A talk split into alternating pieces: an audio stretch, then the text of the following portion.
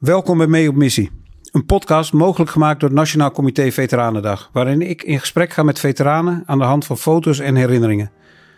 Vandaag ga ik mee op missie met Mark Polle, de man achter Scherpschutters, het online platform Scherpschutters, maar ook marinier en veteraan, die op uitzending is geweest naar onder andere Afghanistan en Somalië. Mijn naam is Alex Klusman en dit is Mee op Missie. Nou, ik denk dat uiteindelijk het Corps Mariniers mijn redding is geweest. Soldier Die afzienmomenten die je dan hebt tijdens zo'n opleiding, dat je denkt van wat bezielt je eigenlijk hè? om, om eh, zo diep te gaan. Je leert dingen aanvoelen, je leert situaties inschatten en eh, als je, ik denk dat je gevoel daar enorm belangrijk bij is.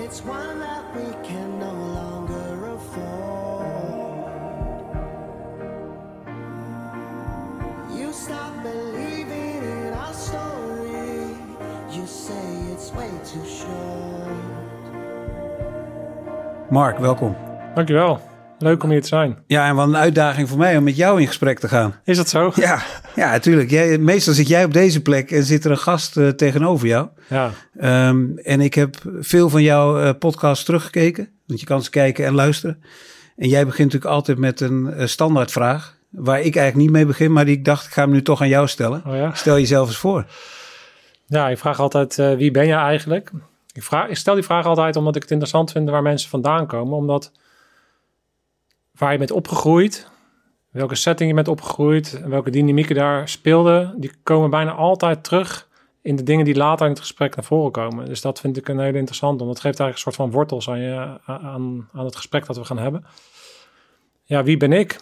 Ik ben opgegroeid in een gelukkig gezin, eh, de jongste van drie. Eh, mijn vader is dokter, mijn moeder, ja, die was eh, huismoeder, is later in de sales en uh, account management gegaan.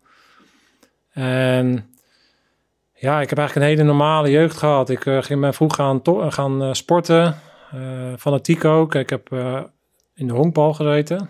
En, eh, ja, daar werd ik opgezet toen ik vier was. Toen ben ik gaan sporten en heel erg in die wereld eh, gezeten. Ook in het Nederlands team gespeeld later nog.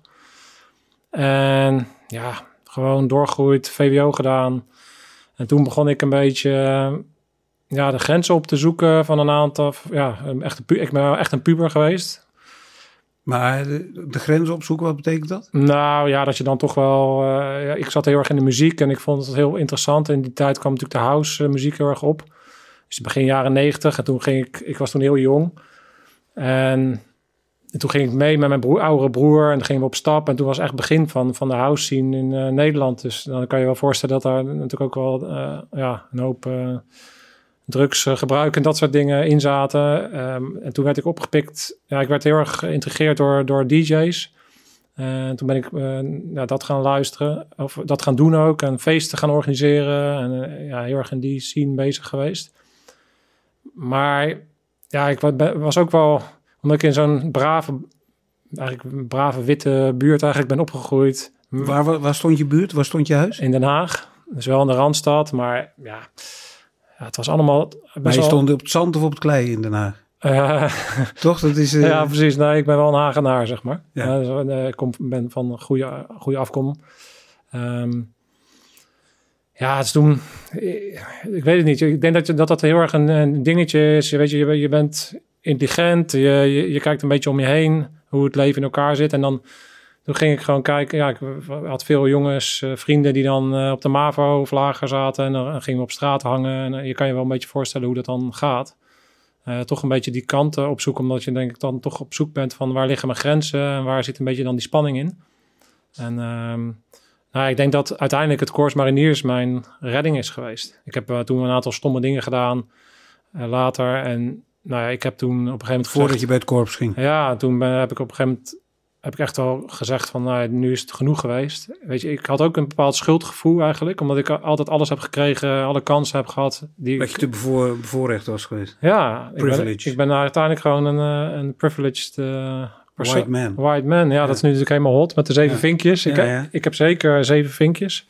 Nou ja, dat, ja, dat, het lijkt bijna alsof je je daarvoor moet schamen, maar eh, en dat je alles, je is maar, alles maar is komen aanwaaien. Ik heb daar moeite mee natuurlijk, omdat ik wel iemand ben die al zijn hele leven ook hard, heel erg hard heeft gewerkt. Maar dat, dat, dat heeft iedereen natuurlijk het gevoel. Eh, maar ik heb dus de wind uh, meegehad, uh, blijkbaar. En, maar waar kwam het korps vandaan dan? Was dat Nou- eigen initiatief of werd je met zachte hand of met harde hand daarheen gedrukt? Nee, mijn ouders hebben eigenlijk nooit met harde hand. Die hebben altijd gezegd van doe gewoon je best en eh, dan, eh, dan komen, komen de dingen wel. eh, als je je VWO haalt, dan kan je daarna alles gaan doen wat je wil. Nou, hier zie je een beetje in het begin eh, die foto daar. Je ziet een foto van mij toen ik 21 was. Was ik 21, ja, 21 net begonnen bij, eh, bij het Corps Mariniers. Eh, en toen zat ik echt wel in die fase dat ik ja, ik wilde gewoon iets gaan maken van mijn leven. Want ik had alle kansen. Ik had, ik had talent voor dingen. En ik voelde me gewoon schuldig dat ik gewoon met waardeloze dingen bezig was. En, Maar eh, voelde je op dat moment ook al dat het je redding zou zijn? Of is dat pas later het besef gekomen? Of had je al heel snel door, dit is de plek waar ik moet zijn om eh, een draai aan mijn leven te geven? Nou, ik liep, ik liep natuurlijk uiteindelijk gewoon vast. Want ik was gaan studeren daarna en ik ging psychologie doen. En ik, ik, ik, ik voelde het gewoon allemaal niet. Hè. Dus ik had zoiets van, ja, is dit het dan? Je ziet een soort van een pad van je, van je ouders. Je kan het eigenlijk al uittekenen. Je gaat studeren, dan ga je, eh, ga je werken ergens. Dan krijg je eh, twee auto's voor de deur. Dan heb je een huisje. Dat was, eigenlijk is dat het Ja, pad dan. kinderen. Ja, je krijgt kinderen. Dat is dan het pad eigenlijk wat voor je ligt. En ik, wilde gewoon meer. Ik voelde gewoon, dat, is niet, ik moet, ik moet iets gaan doen. Ja, en, en op die manier is het korps wel mijn, mijn redding geweest. En ik wist ook wel dat ik iets nodig had. En uiteindelijk had ik ook gewoon een soort harde externe hand nodig... die me gewoon keihard naar rechts zou richten. En die zegt, dit is, als je dit gewoon doet eh, en, dan, en je doet het goed... dan ga je floreren, dan ga je vooruit. En, en dat, ja, ik was daar goed in, denk ik. En kon je tegen de... Ik vermoed dat het best autoritair is binnen het korps. En dat is behoorlijk autoritair, ja. Kon je daar tegen in het begin? Ja, omdat ik, ik had. Wat ik denk dat het belangrijkste is als jij een moeilijk doel gaat halen in je, in je leven, is dat je een mindset hebt van de dood of de gladiolen. En ik had eigenlijk op dat moment al zoveel dingen meegemaakt, dat ik voor mezelf wel het scenario had uitgetekend. Ik had eigenlijk al een beetje gezien wat het scenario was geweest als ik door was blijven gaan met wat ik deed. Ja, als ik dat vijf jaar later, dan was ik, was ik een jaar of dertig, was nog steeds een lowlife ergens op een bank. Dan eh, was je verkeerd terechtgekomen. ja, dan, ben je, dan ga je gewoon een verkeerd eh, eh, pad op. En ehm, op het moment dat ik dan dus dat doel voor me zet, ik zag ook geen alternatieven meer. Ik wilde, mijn ergste nachtmerrie was om een of andere kantoorbaan te krijgen en, eh, en niks mee te maken in het leven. Ik wilde, ik wilde echt wat gaan, gaan doen met mijn leven.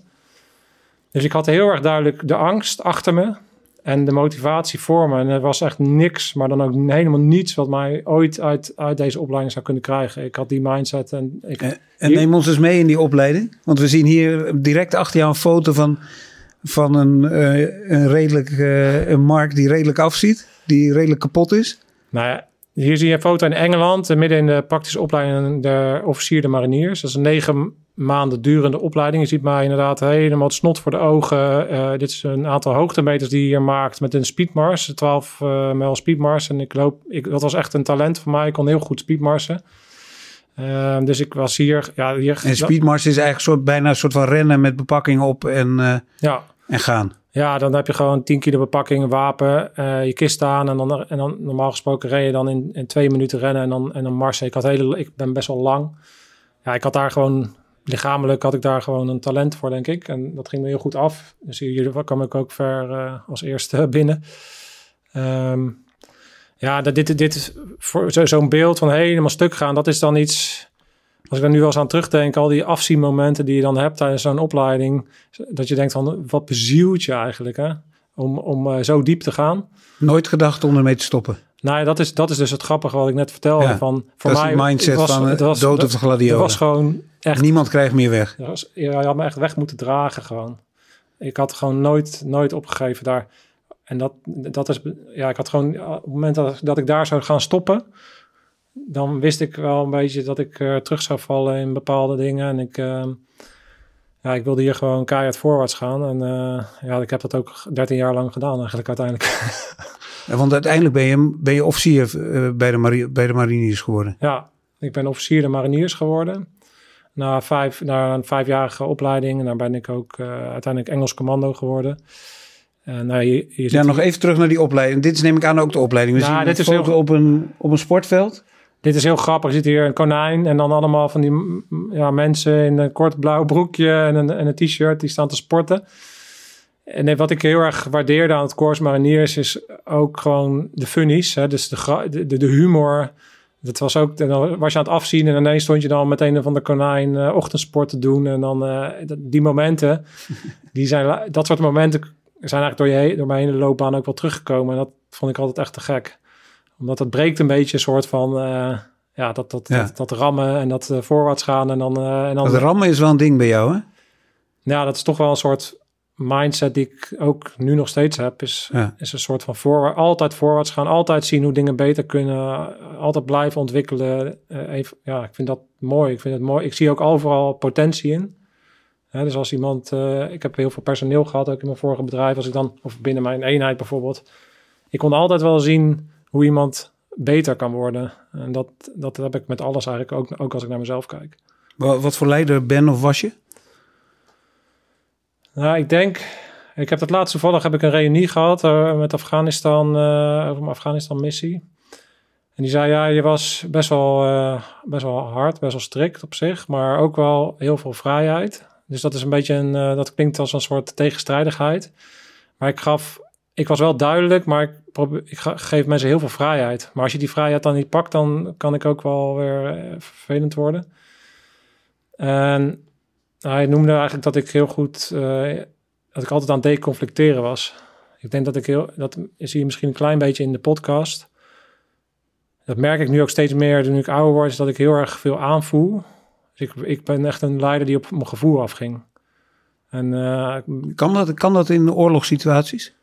Of in stressvolle situaties? Dat je op je gevoel vertrouwt?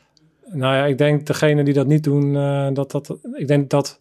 Ik ben van mening dat als jij niet je volledig systeem gebruikt, dus je hebt je ratio, je hebt je instinct, eh, en als je dat niet, zeg maar je gut feeling, en als je geen connectie maakt met je lichaam, ten eerste denk ik dat je een grotere kans maakt om ziek te worden. Hè, Zo'n PTSS-achtige dingen op te lopen is vaak als je natuurlijk een soort copingmechanisme opbouwt, dat je continu maar in je hoofd zit en je nooit eens een keer voelt wat er gebeurt.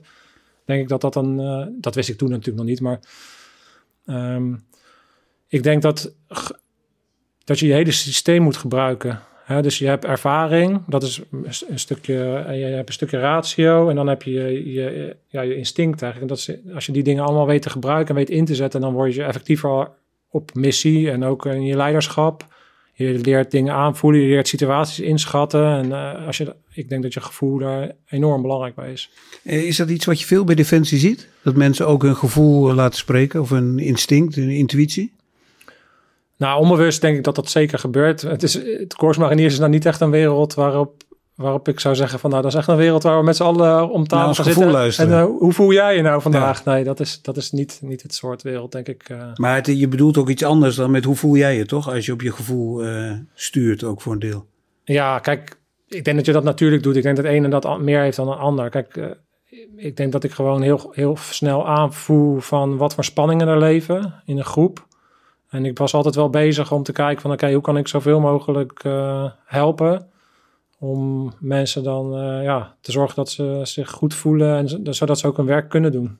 Ja. Ja. Maken we denk ik toch even een sprongetje in de tijd. Ehm, ik had jou gevraagd om foto's te selecteren. En je hebt je, vind ik, waanzinnig goed voorbereid. Want je had ook de- alle foto's gerubriceerd. En de volgende foto die we zien, ehm, had je vorming bijgezet. Hetzelfde als de opleiding tot, eh, tot marinier. Eh, wat zien we hier op deze foto?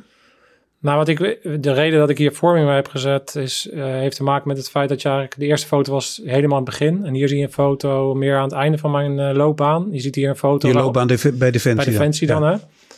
Je ziet hier een foto eh, waarop we nog in groene tenue staan met de dienst speciale interventies. unit interventie mariniers, wat valt onder Marshof, maar ook binnen de di- dienst speciale interventies. En ik was daar pelotonscommandant. En wij waren hier eigenlijk in 2000, ik denk 2009 was dit, waren wij bezig met de eerste concepten van Fijay aanvallen, wat eh, voortkwam uit 2008. eh, waarop in eh, Mumbai een aantal gewapende mannen aan, aan land zijn gekomen en daar ja, dood en verderf hebben gezaaid, dus door de stad zijn gelopen. Dat is natuurlijk voor, voor de diensten, dat zie je later natuurlijk wat normale. Eigenlijk in 2015 kreeg je de Bataclan en Ja. toen kreeg je natuurlijk heel erg die Ja. opkomst van dat soort terrorisme. Maar in die tijd waren dat, nog, dat concept nog heel erg aan het ontwikkelen. Want hoe ga je in godsnaam als er, als er tien mensen Amsterdam binnenlopen op verschillende plekken eh, dood en verderf gaan zaaien, dan heb je echt een probleem. Maar zeker als het met automatische wapens gaat, met handgranaten. En wij zijn toen eigenlijk heel hard aan de bak gegaan om die concepten te ontwikkelen. En daar zie je hier ja, een voorbeeld van waarop in Eindhoven een grote oefening staan. Waarop we dan eh, ja, van de ene, waarop ik dan inderdaad zes, zeven, nou ik overdrijf, ik denk drie incidenten tegelijkertijd had. En dat moest aansturen, moest coördineren. Gebouwen binnen moesten waar terroristen zaten. eh, en eh, die moeten uitschakelen, lui moeten oppakken. En dan vervolgens met, met, met busjes weer naar de volgende locatie moeten. Dus echt een eh, ja, mobiele vijand eigenlijk. En met deze eenheid ben je uiteindelijk ook naar Somalië gegaan, eh, voor de kust van Somalië. Ja, ik ben in 2012, iets later, ben ik eh, als eh, commandant van een versterkt boarding element zijn we naar Somalië gegaan om antipiraterij te Ja. doen. Als je deze foto's nou voorbij ziet komen, hè, van die opleiding van de speedmarsen, maar ook eh, deze oefeningen in Eindhoven. ehm, mis je die tijd dan? Of is, het, is dit echt eh, verleden tijd en dit was eens? Nee, dit is, dit is voor mij wel echt een afgesloten hoofdstuk. Ja? Ik heb ook geen enkel moment gehad dat ik spijt heb gehad van de beslissing om weg te gaan uiteindelijk in 2015. Dus ik heb eigenlijk wel alles gedaan binnen die periode wat ik daar wilde doen. En eh, ik zag ook geen perspectief meer binnen het bedrijf eh, van Defensie om eh, voor mijzelf, hè, dat, dat is voor iedereen persoonlijk, om daar binnen nog verder mijzelf te ontwikkelen en de dingen uit het leven te halen die ik op dat moment zocht. Ik wilde nog één ding reageren op jouw ding over waarom ik deze onder vorming had gezet. Dat is, ik doe natuurlijk een podcast en mensen kijken daar veel naar. En die kijken natuurlijk toch een beetje soort op naar, de, naar dit soort foto's. Waarop je dan met die bivakmutsen, ik kan nog herinneren dat ik dat zelf ook had aan het begin van mijn loopbaan. Dan ga je kijken, wat, wat zit er nou allemaal in deze organisatie? En dan zie je natuurlijk die gasten die dan eh, op eh, ja, de ramen eruit blazen. En dan via, via touwen naar binnen gaan en met helis landen. Eh, je, dat zijn speciale eenheden. En als je deze dan weer koppelt aan dat mannetje van 21 die dan met een konijn staat te dansen in een sporttenuutje en uiteindelijk dan naar deze foto, dat is een stukje van een traject van, ja, van 10 jaar. En ik, wat ik altijd mee wil geven is dat als je echt iets heel graag wil, is dat het zoveel tijd kost en zoveel bloed, zweet en tranen. Ik heb, ik heb zo vreselijk veel opleidingen. Ik heb denk dat ik 8,5 jaar een opleiding heb gehad. Eh, van de Franse legionairs tot de, tot de Engelse commando's in eh, weertrainingen, bergtrainingen, special forces trainingen. Om uiteindelijk dan ja, daar te zijn. En ik wil dat altijd meegeven aan jongere mensen om geduld te hebben. En te genieten van al die fases. Want het, eh, en ook zoveel mogelijk uit elke fase te halen. Omdat het gewoon een heel lang traject is. Maar heb je dan niet, ehm, had jij dan niet zelf ook nog wat meer geduld moeten hebben? Had je niet, eh, jij zegt was klaar bij Defensie. Maar je zou ook kunnen zeggen, je had misschien nog net wat langer geduld moeten hebben. En dan was je misschien wel verder in die organisatie eh, geklommen. Ja, nou, ik heb dat wel eens toevallig met de Apple Store, eh, met die gijzeling. Ja. Dat is natuurlijk zo'n situatie Ja. waarop, waarop nou ja, ook die jongen die daar heeft gereden, is een van de jongens die, eh, die toen ook eh, hier in deze eenheid zat. Ehm, toen heb ik daar zo, dan- dan kan ik dan wel even zo'n momentje hebben van, oh, dit zou nou echt zo'n ding zijn. Wat heel belangrijk is, wat maatschappelijke impact heeft, waarop je dan echt het verschil kan maken en je dan in, het, in de top van je kunnen, na zoveel skills en na zoveel ervaring, op dat moment het verschil kan maken. Dat is uiteindelijk waar je het voor doet. Maar ik heb op een gegeven moment een optelsom gemaakt, eh, waarop ik op dat, op dat punt stond. Ik had Afghanistan gehad als missie, wat, eh, wat voor mij eigenlijk het hoogtepunt van mijn, eh, van mijn hele loopbaan is geweest. Ik Somalië gedaan. Ik had ja, hier meegedraaid, vier jaar als commandant. En toen ging ik de optelsom maken van als ik dan ga blijven. En dan zag ik de mensen die wat verder in, van mij in het traject zaten. En dan kom je al snel als officier. Dan ga je naar kapitein, naar major. Ik was toen En er kapitein. worden meer beleidsfuncties. Je gaat maar. meer beleid doen. Ja. En dan, ik vond toen de optelsom niet meer interessant. Ik vond zelfs als ik terugkeek naar mijn hele carrière, vond ik best wel soms dat ik denk, oké, hoeveel heb ik nou daadwerkelijk gedaan? En dan heb ik twee missies gedaan en, en, en nog wat kleine dingetjes natuurlijk waar je echt impact maakt. Als ik dat vergelijk met een chirurg, die chirurg wordt en dagelijks mensenlevens redt, vond ik, vond ik die ratio ja, wat tegenvallen. En ehm, als ik dat dan vooruit trok, dan vond ik op een gegeven moment Weet je, nu wil ik mezelf ook op een andere manier gaan Ja. ontwikkelen. Laten we even teruggaan naar Afghanistan. Je noemde het al even. Ik heb het je al vaker in, in een andere podcast horen zeggen. Ook dat was het hoogtepunt van je tijd bij Defensie. Hè? Ja. Want je bent daar met een best wel kleine eenheid volgens mij naartoe gegaan. ja, we zijn met 26 mariniers. Zijn we naar Afghanistan vertrokken en we kregen de taak eh, op O- OMLT. Dat betekent Operational Mentoring Liaisons Teams. Nou ja, wij noemen dat in de volksmond heette Train While You Fight. Nee, ik vind dat echt een fascinerende, ik vind dat een fascinerende uitdrukking. Want dat betekent echt, je, je leert het Afghaanse leger vechten terwijl je vecht. Ja, Toch eigenlijk. Niet Dat- op de schietbaan, maar terwijl we operaties, we deden Ja. dagelijkse operaties. We zaten midden in de Baluchi-vallei en eh, in, in, in de Derashan hadden we verschillende forward operation bases. En vanaf daar opereerde ik met, met, met drie Nederlanders. In totaal een team van vier man. Zaten we aangeklikt aan een, aan een compie Afghanen. Dus eh ja, zeg even 60 man. Ehm, en dan gingen we gewoon op operaties. En dan draaiden we daar die FOP. En dan... ehm, wat ja, is een ja, Forward Operating Base. Dus dat is een, soort klein kamp. Je had kamp Holland, groot kamp. En dan had je het kleine kamp met een paar HESCO's. eh, eh, ja, we hadden geen gepantserde eh, ple- slaapplekken en dat soort dingen. Het was allemaal wat pri- primitiever. En dan gingen we op pad. En wij zaten daardoor heel erg dicht bij de Afghaanse cultuur. Want wij midden in die Afghaanse eenheid zaten. En Ja, want we was- zien een foto achter jou dat je echt tussen drie af, een, een wat oudere Afghaan met een, een grote mooie baard, een jong, jonge Afghaan met een katapult om zijn nek. Ja, dit, dit was echt typisch een eh, operatie waarop wij dan aan het eind van de dag op pad gingen in ons gebied. En dat we dan ja, praatjes gingen maken, eh, dingen gingen bekijken. Soms even vroegen of we binnenkwamen. Ik noemde dat echt... Ja, ik, ik denk dat het heel erg belangrijk was daar, omdat wij heel goed contact konden maken, omdat we met de Afghanen kwamen. En dan, ik, ik haalde daar heel veel inlichtingen uit om, om aan te voelen van waar zitten de spanningen, waar kunnen er dingen gebeuren. Om connectie te maken, om te, te kijken wat leeft er in het gebied. Ik vond dat heel bijzonder, omdat ik denk dat het anders is als je met een, met een grotere Nederlandse eenheid eh, bent. We deden ook operaties met Nederlanders samen of met de, met de Australische samen hoor. Maar vaak gingen we gewoon met, soms ging met twaalf man de poort uit. Toen later dus die Au- Australiërs bij ons kwamen, die zeiden ook, je bent knettergek. Wij gaan alleen maar met, eh met 30 man met alle ondersteuning. De Ja, deur, de- de- Want jullie gingen met heel weinig ondersteuning dus de poort ook ik had uit. helemaal niks. Ik had alleen maar een wapen. En, Ja, maar eh, je hebt zelfs niet eens een helm op, zie ik. Nou, je hebt een hier staat van crickethoed op. Het is natuurlijk een foto van een hele lange operatie. We hebben onze ring hier staan. Hè? Dus we, hebben, wij zijn bezig met een, met een aantal huiszoekingen. En dan zie je hier een foto dat we eventjes tegen een muur aan zitten. Even zitten uit. eh, ik zit naast de commandant en de tolk. En mijn... De Afghaanse commandant. Ja, en, en ik zit naast, een- naast een Nederlandse eh, luitenant. Ehm, maar, maar onze veiligheid staat hier, zeg maar. Dus wij, wij hebben een 360 om ons heen staan. En we zitten hier in een veilig stukje dan. We hebben alles gekleerd. Eh, dus, dus ja, het, het, het was, het was gewoon vijandelijk gebied overal. Ja. En eh, je wist ook nooit natuurlijk eh, wat er dan stond te gebeuren. Maar En we, wij- zien, en we zien hier een wat jongere jongen met een, met een beige petje op. Dat is de tolk. dat is Afghaanse. tolk. Ja. Heb je na de afgelopen jaar daar wel eens aan hem terug moeten denken ook? Ja, ik heb wel. Nou ja, wat, dat is natuurlijk het grappige. Als jij naar mijn foto's. eh zo meteen komt er ook nog wel een foto dat je wat meer die jongens ziet. Als ik terugdenk aan die tijd. En dat klinkt heel cru, maar ik denk dat driekwart van de mensen die ik daar getraind heb nu Taliban is. Wat dat hij nu Taliban is. Dat denk ik wel. Dan kan ik, me, Waarom? ik kan me dat goed voorstellen dat Ligt dat aan jouw training? Nee, kijk, hoe- hoe ik de Afghanen heb leren kennen is dat zij enorme overlevers zijn. En zij zijn in staat om de sterkste partij te zien en daar tegenaan te schurken. Dit zijn echt overlevers. Ze hebben dat al, altijd al moeten doen. En zij, op dat moment waren wij de sterkste. En toen hebben ze gewoon eigenlijk gedaan wat wij wilden. Maar ik heb altijd wel iets gevoeld van ja, als wij zouden ophouden om hun water en munitie te geven en, en eten, dan gebeurt er niet zoveel meer.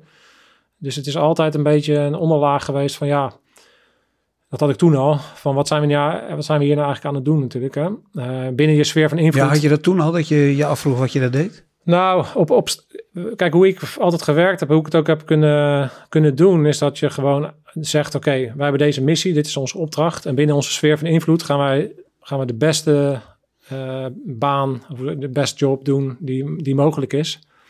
En dat hebben we ook echt gedaan. We hebben daar de bal uit ons broek gewerkt. We hebben alles gegeven wat we hebben. Maar ik heb altijd wel het besef gehad van ja, dit is zo'n groot verhaal. En ik weet dat het Westen nooit de adem gaat hebben om hier altijd te blijven. En dat, zeiden ze toen ook al. Weet je, zij hebben gewoon de tijd. En uiteindelijk is dit dat hele construct van daar dan een bepaald democratisch, democratisch model en heel erg vanuit ons gedachten daar dingen gaan opleggen. Daar heb ik nooit zo heel erg in geloofd, eerlijk gezegd. Maar maakt dat je niet cynisch dan? Nou, toen nog niet. En nu? Nee, nu En wel. afgelopen jaar bij de, de, Nee, de ja. terugkeer van de Taliban in Kabul. En Nee, kijk, het grappige is dat ik dat toen eigenlijk heel bewust wist. Ik wist dat ik daar avonturen te halen had. Ik wist dat ik het voor de mannen deed die naast me eh, stonden. En had ik da- toen het idee dat ik de wereld aan het verbeteren was? Ja, ik, ik persoonlijk niet. Ik had wel de hoop dat ik binnen mijn sfeer van invloed echt iets heb kunnen betekenen. Wat ik wat heel grappig vond, is dat de manier van opereren, zoals, wij, zoals ik hem deed met mijn mannen, was heel erg als wij geen deur in hoeven te trappen, dan doen we dat ook niet. We kijken gewoon heel erg wat de situatie is. En ik klopte liever aan. Dan vroeg je van, hey, willen jullie alsjeblieft eh, de vrouw even apart zetten? We moeten hier huis... Weet je, als je gewoon de tolk goed inzet en je contact maakt met de mensen... hebben we altijd geprobeerd om met zo minimaal mogelijk geweld... eh, dingen voor elkaar te krijgen. En zoveel mogelijk gewoon eh, eh, op een laagdrempelige manier te opereren. Dat is ook wel vaak de reden dat we gewoon met de petje liepen in plaats van met een helm. Dat had gewoon een, een minder ja, een pa- andere uitstraling. Ja. En zolang dat kon, dan deden we dat. Ja. En als, als we moesten vechten, dan moesten we vechten. Maar kijk, in die, op die manier probeer je op jouw manier het verschil te maken. Als ik geen... Kijk, de Amerikanen of de Aussies die kwamen vaak binnen... schoten direct eh, een hond dood. Maar wij wisten van als jij een hond doodschiet... De hond is de enige manier voor een koala... waar dan een familie bijvoorbeeld woont... Om, zodat de man weg kan gaan en zijn vrouw en zijn vrouw en kinderen alleen kan laten. Dat, de hond want die was beschermt het dat gezin. is dan. veiligheid. Op het moment dat je die hond doodschiet, hebben ze echt een probleem. Voordat ze dan weer zo iemand eh, hebben opgeleid. Dan kan je wel weer een paar, paar honderd euro geven, wat dan vaak gebeurde. Maar ik geloofde, ik geloofde altijd van ja, als, als het niet hoeft, dan moeten we niet, geen schade eh, berokkenen. En door op die manier in zo'n operatie te zitten, kan ik daar zelf heel veel uithalen. Kan je in ieder geval, die oorlog gebeurt toch wel. Dus op het moment dat wij daar zijn en we hebben een gunstige invloed, dan kan ik daar wel een soort van eh, purpose uithalen. Zonder dat ik dan de, de illusie heb dat ik de wereld aan het Dat je verbeteren vrede kon brengen. Ja. En ik, heb dat, en ik, ik ben ook niet cynisch als ik nu terugkijk. Ik wist, ja, ik wist wel dat dat ging gebeuren. Ik Je denkt niet, waarom hebben we dat gedaan? Waarom zijn we daar geweest, überhaupt? Nee, ik- ik denk dat dat eh, een beetje hetzelfde is als nu in de welvaart leven. En dan zeggen, ja, alles wat we in de Gouden Eeuw hebben gedaan is echt eh, barbaars. Ja. Dan denk ik, ja, waar slaat dat op? Je, ben, je bent op een gegeven moment onderdeel natuurlijk van een heel groot systeem... waar we allemaal profijt van hebben. En, en, en dan denk ik van, ja, eh, dit was voor ons toen belangrijk... omdat wij in een, in een internationale gemeenschap eh, afhankelijk zijn van veiligheid. Dat zie je nu in Oek- Oekraïne ook. Ik bedoel, Ja. eh, iedereen staat te trappelen nu om bij de NAVO te komen. Ja. Kijk, wij, wij zijn, maken daar onderdeel van. En we hebben daar een bepaalde taken te doen. En dan zijn we nou eenmaal een klein jongetje in, in, een- in een hele grote klas. Om het, of het kleinste, kleinste jongetje van de klas, Ja. zeg maar. En dan was deze missie daarin op dat moment belangrijk. Omdat toen Bush belde en zegt wij gaan erin. En als je niet meedoet, dan doe je, niet meer, doe je, doen jullie Ja. niet meer mee. Ja. Wat heb, je dan, wat heb je dan te bepalen? En in dat hele grote spel en, met al die belangen die daar allemaal inspelen, ja, daar heb ik toch geen invloed op. Dat gebeurt toch wel. En dan kan ik kiezen om militair te worden en vervolgens daar te dienen en mijn werk zo goed mogelijk te doen. Eh, eh, maar ik had toen al wel zoiets van, nou, ik, ik dacht altijd wel na over de filosofie en de ethiek van alles wat we aan het doen waren. Eh, Ja, en op het moment dat toen Afghanistan viel, toen had ik niet zoiets van, oh, wat, wat gebeurt hier nou? Of zo. Ik vond de snelheid vond ik vrij bizar. Ja. En- maar ik zag toen al hoeveel wapens er achtergelaten werden en wat voor kampen daar gebouwd werden. Ik dacht, ja, dit wordt dan straks allemaal overgedragen. Maar hoe gaat dat dan, hoe gaat het dan precies lopen? En wie gaat dat dan allemaal eh, Ja. waarborgen dat dat niet in de verkeerde handen valt en dat soort dingen? Daar, ja, dat is, dat is dan toch, eh, ja, dat is toch heel moeilijk. Neem ons nog eens mee naar deze twee foto's die we nu zien. Die verdienen wel wat uitleg. Eerst Ja. misschien deze waar... Nou ja, wat, ehm, hier zie je dan ehm, ontstaan. Ik sta na, ja, naast eh, Ali. eh, Dit is Ali. Een aantal eh, jongens van, de, van het Afghaanse leger en eh, een aantal Nederlanders en een aantal eh, Australiërs.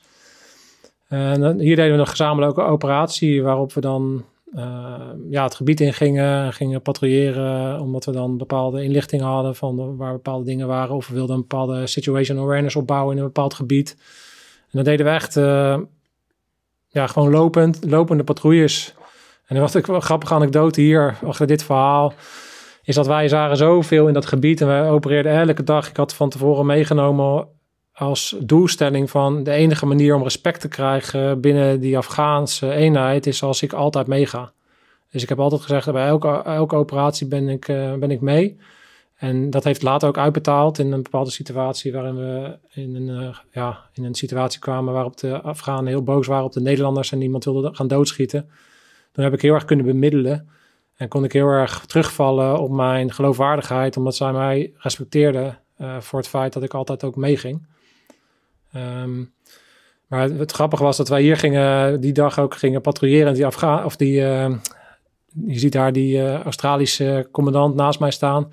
Die kwam ook naar me toe. Hij zegt, eh, hoe bizar hoe, jullie patrouilleren en hoe snel het allemaal gaat. Wij, zij waren veel, ja, veel, veel voorzichtiger eigenlijk. Maar omdat wij zoveel in dat gebied waren. Want jullie bewogen sneller, jullie Ja, eh, waren veel- verplaatsen sneller. verplaatsen veel sneller dan dat zij gewend waren. Ze gingen echt heel erg van dekking naar dekking. En, maar wij kwamen natuurlijk op heel veel plekken waarop we ja, eigenlijk wel vaker kwamen en zo. Dus dan eh, ging dat allemaal heel snel voor hun. Hoe lang heb je daar gezeten? Ehm, bijna vijf maanden. Ja, en hier, deze, fo eh, deze foto die je hier achter mij ziet, vond ik zo grappig, omdat het een link heeft met het eh, foto van het konijn.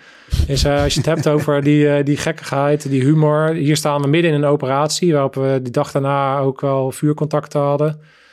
En dan... Ja, want neem ons, vertel heel even als je zegt we staan midden in een operatie. Wat, wat houdt het in een operatie? Nou, wij, wij zaten op een forward operating base. En dat was eigenlijk onze, onze kleine thuisbasis. En vanaf daar deden we kleine operaties. Maar hier zaten we dan op een grotere operatie waarop we dan samenwerkten met de Battle Group. Hè. Dus dan hadden de, de Nederlanders, die planden dan een operatie op basis van eh, meer intel of, of echt Om ergens de Taliban terug te dringen of... terug te dringen of situational awareness Ja. of gewoon huiszoekingen. En dan, dit was zo'n voorbeeld van een operatie. En dan zitten we hier op een rest overnight. Dat is eigenlijk een hogere stelling waarop we dan eh, de posities hebben ingericht. En we hier dan eventjes een soort adminperiode hebben tussen twee dagen in. Nou, waarop iedereen gewoon zijn beveiliging heeft. En we wisten dat er de volgende dag eh, weer de green zone die je daar achter op de foto ziet eigenlijk eh, ziet liggen. Eh, dus de enige dreiging die we dan hier hadden was direct fire. Maar daar zaten we best wel ver vanaf. En dan mortier natuurlijk, wat er wel eens geschoten werd. Ehm, maar hier zie je dan zo'n moment dat dan die Afghanen die gingen hadden altijd van die gekke dansjes met die met, gingen ze zingen en allemaal van die muziek erbij en dan weet je dat soort dat soort dingen en dan zie je hier dat zij begonnen te dansen en dan gingen de Nederlanders het nadoen en dan op een gegeven moment eh, staan we gewoon even te klappen en gek te doen en dan heb je even zo'n moment dat je dat het net een soort vakantie lijkt en dat dat zijn momenten die keihard nodig zijn als je heel de dag eh, natuurlijk 45 graden vol omgehangen aan het opereren bent. Heb je iets met het land en de inwoners gekregen? Ja, ik heb daar regelmatig lang eh, gelopen. Dat kan ik me goed herinneren. Als je dan 's ochtends die green zone inloopt, dan is daar zo'n sfeer alsof je... Want de green zone is de zone waar eh, mogelijk iets kan gebeuren. Nou, eh, overal kan wat gebeuren, maar de green zone is lastig. Dat zie je achter liggen. Dat is eigenlijk waar de mensen wonen, waar de koala's zijn, waar de, waar de akkers verbouwd worden met eh, poppyvelden en andere dingen die er verbouwd worden. En dat is heel onoverzichtelijk en daar is heel erg close alles. dus daar, daar is natuurlijk een dreiging dat je ergens tegenaan loopt. Dat is ook wel eens gebeurd dat dan ineens een brommetje voorbij loopt met twee Taliban erop. En dan ineens krijg je een soort achtervolging situatie, dat soort dingen. Maar als je dan zo'n green zone eh, inloopt, s ochtends vroeg, dan is het nog niet te warm. En dan eh, begint de zon te schijnen en zie je dan tussen, tussen die bomen doorkomen. En dan eh, een bepaalde hele karakteristieke geur die je dan ruikt. Van de dingen, de, de potten die opstaan en de dingen die ze dan s ochtends aan het maken zijn. En dan zie je allemaal van die kleine stroompjes en kleine paadjes. En dan die poppyvelden die dan helemaal roze vol in de bloei staan. En dan heb ik daar, en dan zie je de bergen op de achtergrond liggen. En dan is het net alsof je in een of ander boek van Paulo eh, Coelho eh, loopt. In een of ander eh, Ja. ja. sprookje bijna. Als je dat dan even uitzoomt en je denkt van wow, als hier geen oorlog was, had ik best wel willen betalen om hier op vakantie te gaan en Ja. dit, dit een keer mee te maken. Eh, dus dat, dat is ook heel bijzonder om die momenten te hebben tussen alle dingen die daar spelen. Hoe kom je terug na vijf maanden? Hoe gaat het? Hoe pak je je leven dan op als je... Nou, ik was helemaal klaar met die Afghanen. Dat klinkt heel negatief. maar ik was echt helemaal klaar met die lui. Maar ook met de Afghanen die je aan het trainen was. dus. Ja, kijk, je hebt een bepaalde grens natuurlijk. Eh, kijk, op een gegeven moment is het... Ik heb heel veel eh, lol gehad. Het- het- we hebben heel, heel hard ons best gedaan. Maar op een gegeven moment heb- ben je ook wel, merk je ook wel van... Jezus, weet je, het zijn ook... Het was echt heel vermoeiend. Dus, dus je moet dan op een gegeven moment weer opladen. Eh, eh, dus op het eind had ik, was ik wel echt klaar ook van... Nou ja, het is nu ook wel goed geweest, eventjes. En dat heeft te maken met... Ja, continu we, ja, we hebben, hebben jullie dit voor ons? Eh, we hebben weer iemand, ze wilden altijd pijnstillers hebben en allemaal dingetjes. Er was altijd wel wat. Het was, dus als ik er nu aan terugdenk, moet ik alleen maar om lachen. Maar toen was het af en toe dat je denkt, jezus, heb je, heb je weer, heb- dan hebben ze weer dat. En dan is het weer zus en dan is het weer zo. Ze moesten altijd eh, dingen Maar je hebben. had niet toen je in Nederland kwam, dat hoor ik vaak veteranen zeggen die op uitzending zijn geweest, dat ze in Nederland zich dan juist storen aan mensen die aan het klagen zijn in de rij bij de Albert Heijn. Maar bij jou klinkt het eerder andersom. Nee, ik heb, ik heb dat. eh, Nee? Ik heb niet eh, dat ik als ik terug, toen terug was, dat ik me dan ging ergeren aan andere mensen. Nee. Ik kan me dit gevoel wel voorstellen. Ik kan me ook wel. Ik heb ook wel eens gehad dat als je dan aangehouden. Ik weet wel dat ik er vlak na Afghanistan een keer aangehouden werd om iets onbenulligs. Ik weet niet, ik eh, denk dat ik eh, te hard reed of iets, iets in die trant. Dat ik ook iets van gast, doe even relaxed, weet je wel. Ik heb, eh, ben net ik heb zes maanden mijn leven op spel gezet voor ons land en maar dat zeg je dan niet, maar dat, ik merkte Dat wel dat, ik die, je, ja. die, dat ik die gevoelens had. Ja. Dat ik dacht van, fuck you. Ja. Nee, kijk, het klinkt, nu, het klinkt nu negatiever dan ik het bedoel. Ik was gewoon klaar met het, met het gedoe. Ik was moe, ik had alles gegeven en ik was klaar om naar huis te gaan. Ehm, maar het, ja, weet je, hoe je het ook, ik, hoe je het ook went of keert, het, het zijn bijzondere lui. En ehm, ik kon ook moeilijk tegen het feit wat zij deden, en dat is ook logisch. Maar wat ik wel lastig vond, zeker als getrainde jonge militair, is dat zij niet zo heel erg bezig waren om vooruit te komen. En dat klinkt gek, maar ze waren, dat, ik had niet het gevoel dat ze bezig waren van hey, hoe kunnen we nou zelf de dingen om ons heen verbeteren. En ik denk dat zij veel meer in een soort overlevingsmechanisme zaten en dat hun dynamiek ook gewoon anders is, anders in elkaar zit. Ik denk dat het een cultuurverschil is ook. Ook iets waar ik dan persoonlijk last van had.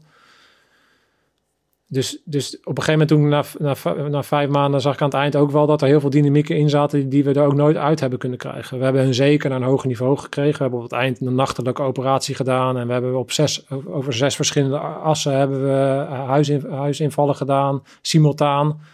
Nou, dat waren operaties die waren toen we daar aankwamen met een zootje ongeregeld echt onmogelijk geweest. Dus we hebben echt enorme stappen gemaakt. Maar tegelijkertijd zag ik ook wel dynamieken die daaronder zaten waarvan ik dacht van ja, dit gaat nooit veranderen. En ik weet, het is grappig, ik sprak op mijn reunie, sprak ik Willem, die ook mee was daar. En die is daar later met de mariniers ook geweest. Toen kwam hij op zo'n fop. En toen kwam hij zo'n zo'n commandant tegen. En het eerste wat hij zei, hey Willem, heb je water bij je? Allereerste? You got water. Dus, dus toen, ja, hij moest toen ook heel hard lachen van ja, dit is, dit is eigenlijk nog steeds exact Ja. dezelfde dynamiek. En logisch ook, maar... Waarom ben jij niet meer terug geweest naar Afghanistan? Want dit was één uitzending en daarna kwam het er niet meer van. Nee, Afghanistan. Nee, ik, ehm, dat heeft te maken met mijn keuzes. Ik ben daarna bij, eh, voor de Marshof-opleiding gegaan. Dus toen, toen ik terug ben, toen ben ik eigenlijk een half jaar later ben ik begonnen met de Marshof-opleiding, 45 weken. En toen heb ik de keuze Want gemaakt. Marshof is eigenlijk Special Forces binnen Ja. het Korps Mariniers. Ja, dus eh, dat was toen eh, de eerste echte Marshof-opleiding. Daarvoor heette natuurlijk, had je het natuurlijk niet zo georganiseerd onder Marshof, maar had Ja. je die bijzondere bijstandeenheid en had je de Kickforce mannen en had je de Mountain Leaders. Die zijn samengevoegd onder Marshof. En ik heb toen 45 weken die opleiding gedaan. 45 weken. 45 weken. Eh, en daarin eh, ja, dus al die stappen weer doorlopen. En uiteindelijk dan ervoor gekozen om richting de antiterreur-eenheid te gaan. En die had toch de focus op Nederland liggen. Ehm, ja, vanuit origine in de jaren 70 is toen de treinkaping Ja. is eigenlijk die eenheid opgezet. En wij waren verantwoordelijk voor grootschalig, complex gijzelingssituaties in Nederland. En ja, in die hoedanigheid eh, kreeg ik alleen nog de kans om naar Somalië te gaan. En eh, ja, de missies in Afghanistan niet meer, helaas. En hoe anders was Somalië? Want dat was een anti-piraterijmissie. Ja, dat was totaal anders. Voor mij ook wel veel minder. Je gaat er meteen moeilijk bij kijken. Ja, omdat het een hele diplomatieke missie was. Ehm nou, diplomatiek bedoel ik vanuit mijn rol. Kijk, daar in Afghanistan ging ik elke dag mee en waren we met z'n vieren. Dus dan draai je natuurlijk echt operationeel. En hier was ik echt wel commandant van een, van een eenheid. En eh, nou, hier zie je een foto van een eh, grote tanker op weg naar Somalië. Dat we dan onderweg eventjes gingen oefenen met vastropen. Dat, dat vond ik dan nog wel tof om te doen. Hoe je snel vanuit de helikopter aan boord bij een schip komt. Ja, dus hier sta je dan, eh, heb je, je ziet ook hoe lang deze fastroop is. Dus echt wel een, een aantal meters op dat touw moet je dan afleggen. En die tankers zijn echt enorm groot, dus dat is wel gaaf om daarboven te hangen. En dan, ga je, dan zie je, heb je dat geluid van die heli. En dan zie je, Ja. en dan heb je het een, kijk, vastropen is een van de gevaarlijkste dingen eigenlijk die je bij Defensie kan doen in die zin. Omdat je totaal ongezekerd bent. Eh, dus je, als je gewoon de touw loslaat, dan flikker je gewoon naar beneden. Ja. Op het dek. Ja. Of in het water. Ja, dus dat, dat vond ik eh, heel gaaf.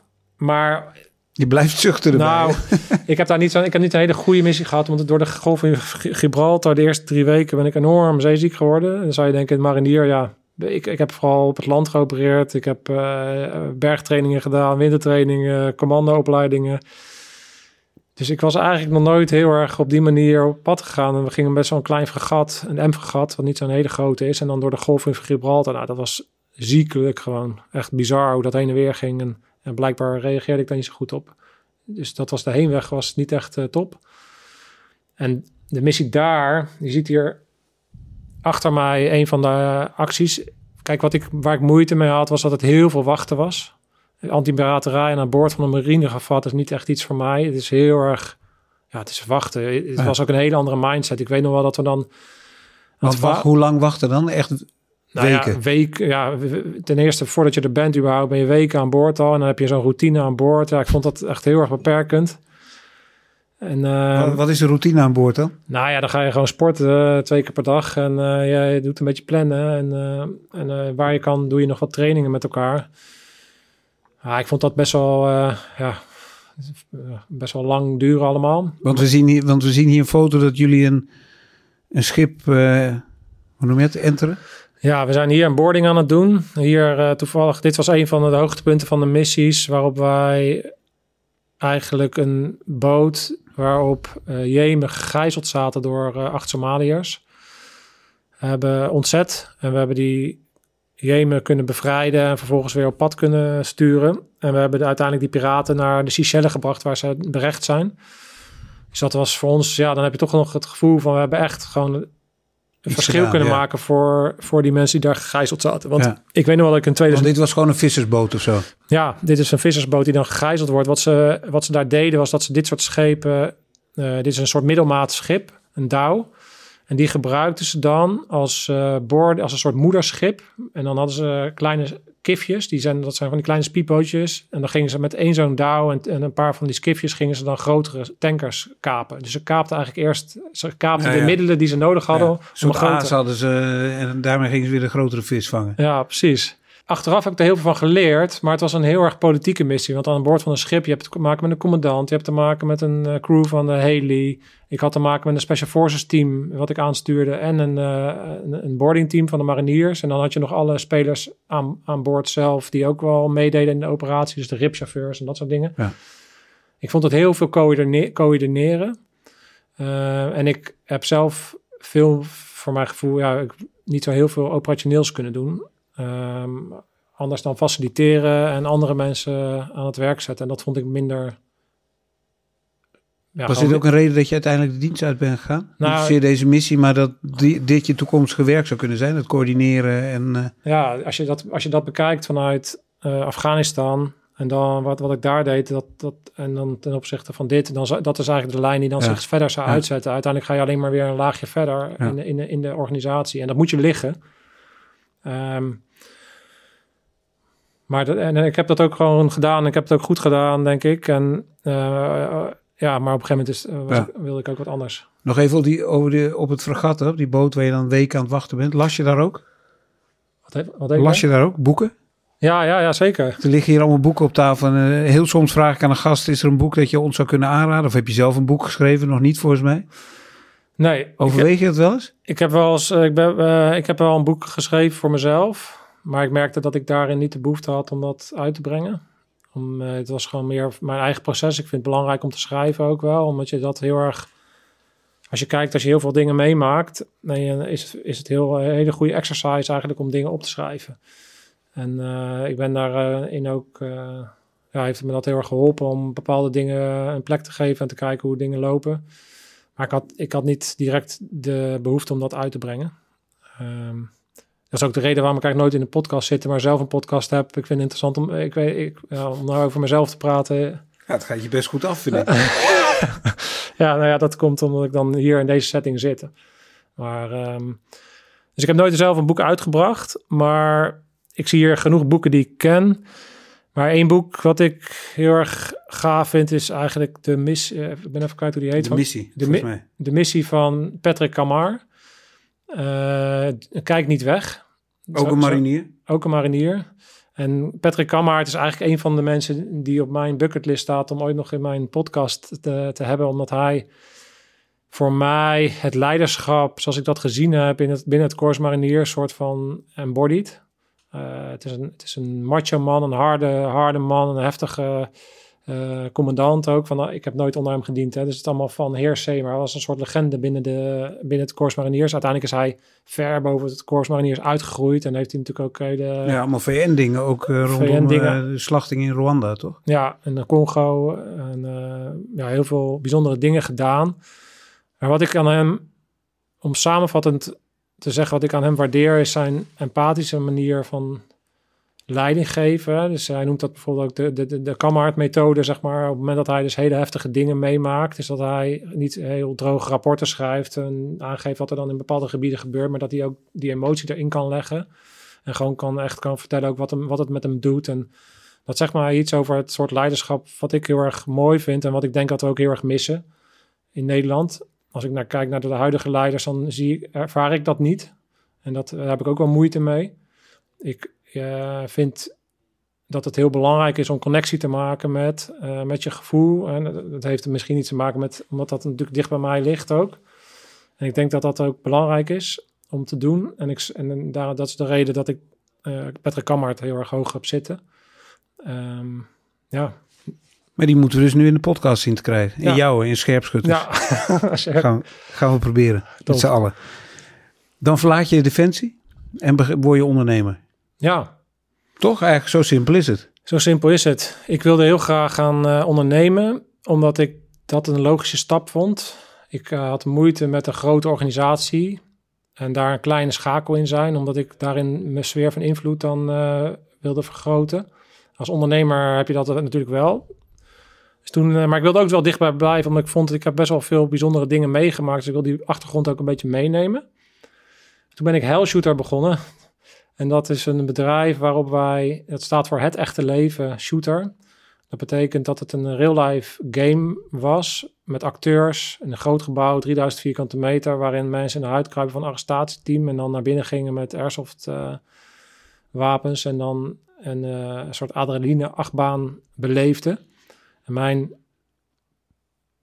visie daarachter, ik heb dit opgezet in 2013, ben ik daarmee begonnen, in 2015 uiteindelijk gelanceerd. Mijn visie daarachter was dat als jij het soort broederschap, het soort verbinding wilt krijgen, zoals ik dat ook wel heb ervaren tijdens zo'n missie, wat natuurlijk heel erg iets is wat mensen ook aanspreekt eh, als je terugkijkt op die militaire tijd, is dat je heftige dingen mee moet maken, heftige dingen moet doen om die verbinding met elkaar eh, een diepere laag te geven. Dus op het moment dat ik dan een vrijgezellenfeest had en we zetten een beleving neer en ze kwamen naar buiten van dit was echt de vetste beleving die ik ooit heb gehad, dan weet ik zeker dat zij drie maanden of drie jaar later op een borrel staan en nog steeds hebben over dat ene moment dat zij met elkaar in de pand waren, een uur aan het, aan het strijden waren als team tegen, tegen voor hun gevoel 50 eh, acteurs eh, die hun leven zuur maakten. Ja, dat was eh, de missie en dat heb ik zes jaar gedaan. En daar zien we, daar zien we hier een paar foto's van. Hè? Ja, Dat had ook een arrestatieteam kunnen zijn. ja. En benadert het nou het echte, het echte gevoel, denk je? Nou, dat is natuurlijk net wat je referentiekader is. Hè? Ja. Kijk, als jij helemaal niks eh, kent, Als er bij dat vrijgezellenfeest een marinier tussen had gezeten. Nou ja, dan heeft hij het zwaar, omdat hij natuurlijk met allemaal niet-mariniers voorwaarts moet. dus dat was ook eh, voor hun heel erg gaaf natuurlijk om te doen. Ehm, dus, dus wat het voor mij benaderde was een, een, een- stukje. Weet je, het blijft altijd... eh, kijk, wat heel erg fijn was, was eh, dat we een goede pijnprikkel hadden. Want op het moment dat je geraakt werd, dat deed het ook echt wel zeer. Ja, ja. En dat was best wel extreem. Het was ook een extreme game. Maar daardoor was het niet zo van gaan lachend en gierend en brullend eh, door dat pand heen. Want in het begin gingen ze misschien wel zo naar binnen. Ja. Maar na een paar keer geraakt te zijn, dan hadden ze zoiets van... oké, we moeten wel echt gaan knokken. En dan gebeurt er wat in zo'n team. En ik heb dat in het begin heel erg als eh, recreatief ingezet. Maar op een gegeven moment zag ik, dit is echt een tool... om groepsdynamieken te zien. Want ik liep natuurlijk altijd mee met die teams. En je ziet meteen wat er gebeurt. Je ziet meteen, mensen gaan terug naar een primaire gedrag. En op het moment dat ik dat met eh, bedrijfstrainingen ging doen, was dat natuurlijk super interessant. Dat was een soort snelkookpan Ja. voor groepsdynamiek. Je zag meteen, oké, dat is een, eh, die gaat voorop. Die doet de leiding nemen, die wordt een beetje stil. Die, die ziet de details nog wel, die nog niet. Dus eh, ja, het was heel interessant om dan te zien natuurlijk als jij bijvoorbeeld met een bedrijf naar binnen ging. En ze hadden bepaalde problemen of bepaalde uitdagingen in een bedrijf. Ja, hoe de rollen verdeeld waren. Ja, als je bijvoorbeeld een directeur hebt, ik noemde dat een pointman, en die gaat dan in zo'n game eigenlijk continu overal als eerste naar binnen en die staat alles eh, zelf te doen. En als je dan achteraf eh, dat naar boven haalt en je hoort dan wat er dan ge- gebeurt binnen dat team, en zodra, dat was het, volgens mij een videoproductiebedrijf of zo. Maar die, die, die werknemers zeiden ook, zo, zodra, het spannend wordt, gaat hij alles zelf doen. Dus dan hebben wij altijd zoiets van, dan gaan we maar even afwachten. Ja, wat de baas doet. Ja, maar dan creëer je, dat is natuurlijk niet een team. Nee. Dan, zet je, zet je, dan, dan heb je dus niet een goede dynamiek. En zei, de, zei de, de ondernemer in je ook, hier zit meer in? In wat je aan het doen was? Dit het soort van het, eh, het militaire naar de burgermaatschappij brengen? Nou ja, dat is grappig, omdat ik in 2017, toen stond Hell Shooter al een tijdje. En toen kreeg ik, kijk, als je een commercieel bedrijf opzet, ik had een bepaalde visie van hoe die beleving eruit zou moeten zien, maar door allerlei keuzes eigenlijk in dat proces om iets commercieel uitvoerbaar te maken, moet je compromissen maken. Dus die beleving ik uiteindelijk daar neerzetten, was natuurlijk nog maar een percentage van hetgene hoe ik het eigenlijk voor ogen had. Voor de we hadden volgens mij 4,9 aan recensies eh, na vijf, zes jaar ondernemen. Dus weet je, we deden het supergoed. Maar voor mezelf was het minder, minder goed eh, dan het zou kunnen zijn. En toen kreeg ik het idee van je moet het verdienmodel veranderen. Eigenlijk moet je hier een tv-programma van maken. En toen eh, heb ik een keer een oud-directeur van SBS 6. Er was een vriend van een vriend van mij. Die heeft dit gespeeld. En eh, die, ja, die vond het helemaal te gek. En toen hebben we een bar tijdens het barbecue heb ik dat idee gepitcht. En toen zijn we eigenlijk begonnen om een eh, tv-format eh, te creëren. De Force. De Force. en eh, uiteindelijk eh, begin 2019 eh, hebben wij eh, de pilot opgenomen. Je ziet hier nog een eh, foto met onder andere eh, Sander Aarts. Sander Voor Aarts, mij links. ja. Er- Erwin van Beek en eh, Jeroen Graas. Allemaal Special Forces mannen. Nou, eh, ehm, Mariniers. nou, Jeroen Graas arrestatieteam en Erwin van Beek, eh, die heeft eh, bij de Koninklijke Marechaussee gezeten. Is meer instructeur, eh, is zijn kwaliteit. Ook wel met SWATs meegelopen in eh, eh, Amerika. En eh, ja, Sander Aarts, die heb ik er toen bij betrokken, omdat hij natuurlijk in mijn eenheid zat en inmiddels bekend is. Ehm, maar toen hadden we dus eh, de pilot opgenomen, maar toen die zomer eigenlijk eh, daarna, dus wij hadden toen begin 2019 opgenomen in de zomer, volgens mij eind 2019 kwam toen Waas op tv en toen zaten wij net in het verkoopproces. Nou, lang verhaal kort. En uiteindelijk hebben wij eh, eh, de, directeur van eh, NPO, die wilde het heel graag hebben, maar toen tegelijkertijd zat Tuvula, die dan uiteindelijk Kamp van Koonsbrug ging produceren aan tafel. En toen hebben ze uiteindelijk dat format gekozen, omdat dat natuurlijk al bestond. Dus toen heb ik Nou, het bestond, het is niet, dit is niet gejat van jullie. Nou, dat, daar ga ik niet van uit. Kijk, Sander Haarts heeft zijn ervaring natuurlijk gebruikt om later in Special Forces VIPs eh, te gaan zitten. Ja. En uiteindelijk is on- onze trailer volgens mij gebruikt voor de verkoop van eh, dat programma. En, en No hard feelings. nou, ik, nou ja, dat. eh, ja, iedereen moet doen wat hij moet doen, natuurlijk. Nou, even ik- door naar die andere foto dan. Laat ik zeggen dat ik het zelf anders had gedaan. Maar, maar, mijn, maar wat wij, mijn eh, punt eigenlijk is, want nu lijkt het net een soort zeikverhaal. Dat is niet mijn bedoeling. Kijk, ehm, wat ik hier aan wil laten zien, is dat mensen altijd zeggen van je moet een andere relatie krijgen met falen. Als je succesvol wil zijn in het leven, dan moet je een andere relatie krijgen met falen. En de reden waarom ik deze foto in heb gestopt, want dat heb ik eigenlijk nog nooit tegen iemand verteld. Hè. Dit, eh, dit is alleen maar tegen mensen die mij kennen, die weten dit. En ehm, wat natuurlijk heel interessant is, is dat je drie jaar ergens instopt en je begint aan een, aan een project waarop je helemaal niet weet wat de uit, uitkomst gaat zijn. Daar stort je je volledig in en dan vervolgens ge- levert het niet de resultaten op die je eigenlijk van tevoren had bedacht. En als je dan terugdenkt en dan zou je dat nog een keer gedaan hebben, uiteindelijk zeg ik dan ja.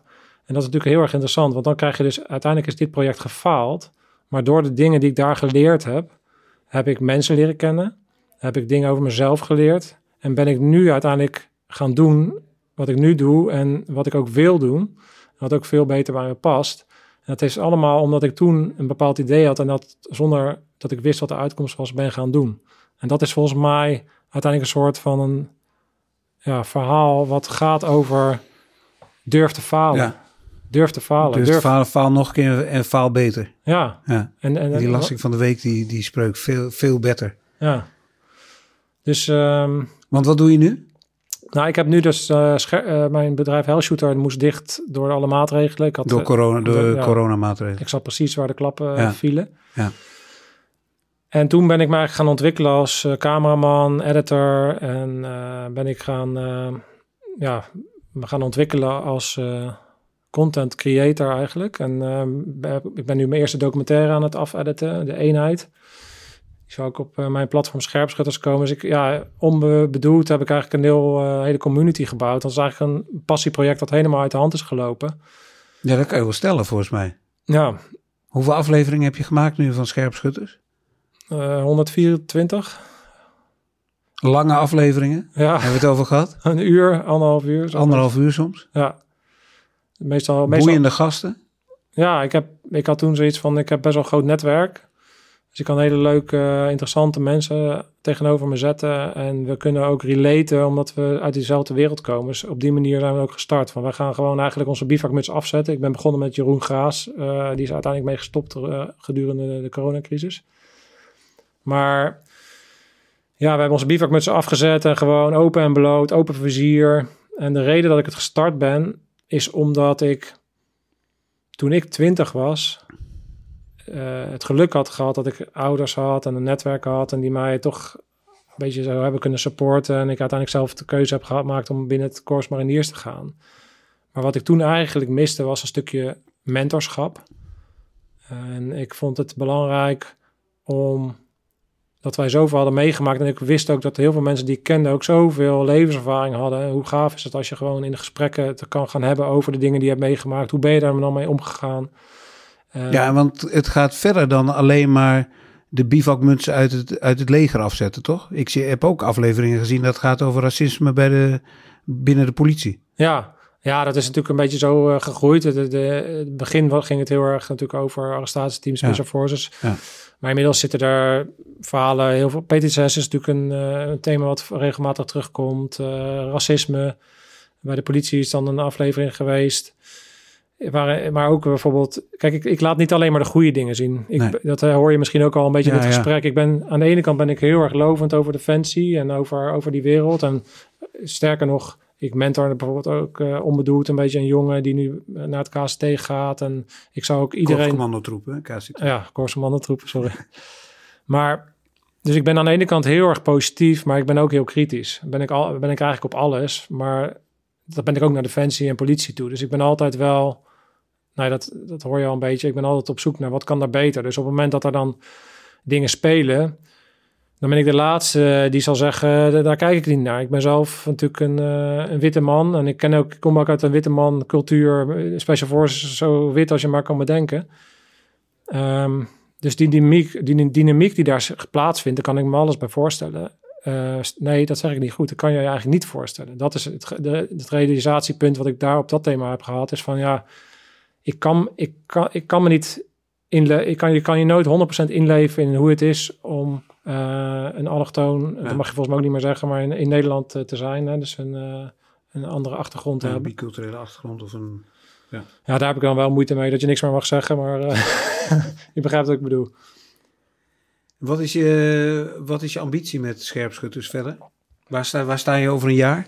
Nou, ik ben dus nu, ehm, ik ga me verder ontwikkelen als eh, content creator. Dus we gaan eh, videoproductie eh, naar een hoger niveau brengen. En ehm, ja, we gaan dit platform verder eh, laten, laten, laten groeien en eh, mooie, mooie dingen. Kijk, ik noem het valuetainment. Hè, dus dat is wel interessant. Dat het voor mij altijd een bepaalde waarde moet hebben. Ja. Eh, het moet leuk zijn om naar te kijken, maar het mag voor mij ook wel een thema zijn wat belangrijk is. Naast de ja, de, hoe heet het? de leuke waarde, zeg maar. Ik zie het hier niet staan op de foto's die we hier hebben staan. Maar je hebt, hebt het heel vaak over rammen met je kadaver. Hè? Dat is een Ja. je motto van eh, scherpschutters, toch? Ja, het is een bepaald mantra. Kijk, wat ik altijd zei is, eh, als je bijvoorbeeld in Afghanistan, als we dan tegenover elkaar stonden, dan eh, had je dan zoiets van, als het dan zwaar werd of zo, nou kom op, even rammen met je kadaver, dan zijn we, zijn we zo thuis, weet je wel. Of als je op een of andere shot staat op, in Schotland en de regen die komt verticaal binnen. Dat je eh, eh, rammen met je kadaver en dan, dan beuken we er gewoon even doorheen. Dus dat is een ding wat we op een gegeven moment zijn gezegd in de podcast. En daar zijn we t-shirts van eh, gaan maken. Nou ja, inmiddels is dat echt een dingetje geworden. Waarop eh, mensen echt die mindset eh, kunnen omarmen. En dat ook als mantra kunnen gebruiken. En dat betekent dat je, dat je durft, verder durft te gaan dan wat je eigenlijk eh, kan. Nou, om jezelf een beetje naar de grenzen te duwen. En, eh, en dat, dat gaat voor mij verder dan alleen maar in de sportschool rammen. Dat zit hem ook in op het moment dat jij jezelf heel stoer vindt, maar je bent niet bereid om naar jezelf te kijken en wat je aan jezelf zou kunnen verbeteren. En eh, bijvoorbeeld meer naar je gevoel te luisteren. Of weet je, dingen die voor een alfaman bijvoorbeeld best wel moeilijk Ja. zijn. Voor mij is dat ook rammen met je kadaver. Ja. Het, is, het is, weet je, de dingen doen die niet zo natuurlijk voor jou gaan. Dat is ook rammen met je kadaver. Ja. Cool. We hebben hem langer gemaakt dan alle voorgaande uitzendingen, volgens mij. Oh, Daar ben ik heel trots op. Voorbij gevlogen dan. ja, eh. echt. Eh, we sluiten altijd af met eh, muziek. En Ja. dan het liefste muziek. Ik vertelde je het van tevoren even muziek waar, die jou misschien terugbrengt naar een uitzending, naar je tijd bij Defensie of misschien wel naar, naar je, huidige, je huidige bezigheden. Je hebt iets hè, wat je, waar je mee wil afsluiten. Ja, ik heb. Dat is ook grappig, omdat ik nu natuurlijk helemaal in de videoproductie zit. Toen ik in Afghanistan zat, toen hadden we een thuisfront. En we hadden een aantal beelden gemaakt. En ehm, toen werd mij, eh, vroegen ze van, is er misschien iemand die even iets in elkaar kan draaien? Toen weet ik nog wel dat ik toen eh, eventjes een paar dagen op Kamp Holland zat. En eh, dat ik toen een video heb gemaakt voor het thuisfront zodat zij ook een beetje gevoel konden krijgen van waar we zitten. Want het is soms heel moeilijk te beschrijven natuurlijk waar je zit en wat het gevoel daarbij is. En toen heb ik het nummer van Moby gebruikt. Dat we zo meteen gaan luisteren. En In this world. in toch? this world. Ja, en als ik dat terughoor, dan ga ik natuurlijk meteen terug naar Afghanistan, wat voor mij eigenlijk het hoogtepunt is geweest. Waarop al, alles samenkwam, waarop je op avontuur gaat. Het mega spannend is, me- je met elkaar totaal niet weet waarin je terechtkomt. Waarop je eh, moet pionieren, waarop je moet knokken, waarop je moet eh, bouwen op elkaar. En waarop je uiteindelijk gelukkig zijn we met z'n allen ook eh, levend en wel Ja. teruggekomen. En hebben we een mooie missie gedraaid die we- zelfs voor mensen die een hele leven bij het Corps Mariniers hebben gezeten. Toevallig had ik net een eh, reunie natuurlijk gehad. Zelfs zij zeggen van, dit was echt een hele bijzondere missie. Dus dit nummer brengt me terug daar naartoe. Mooi.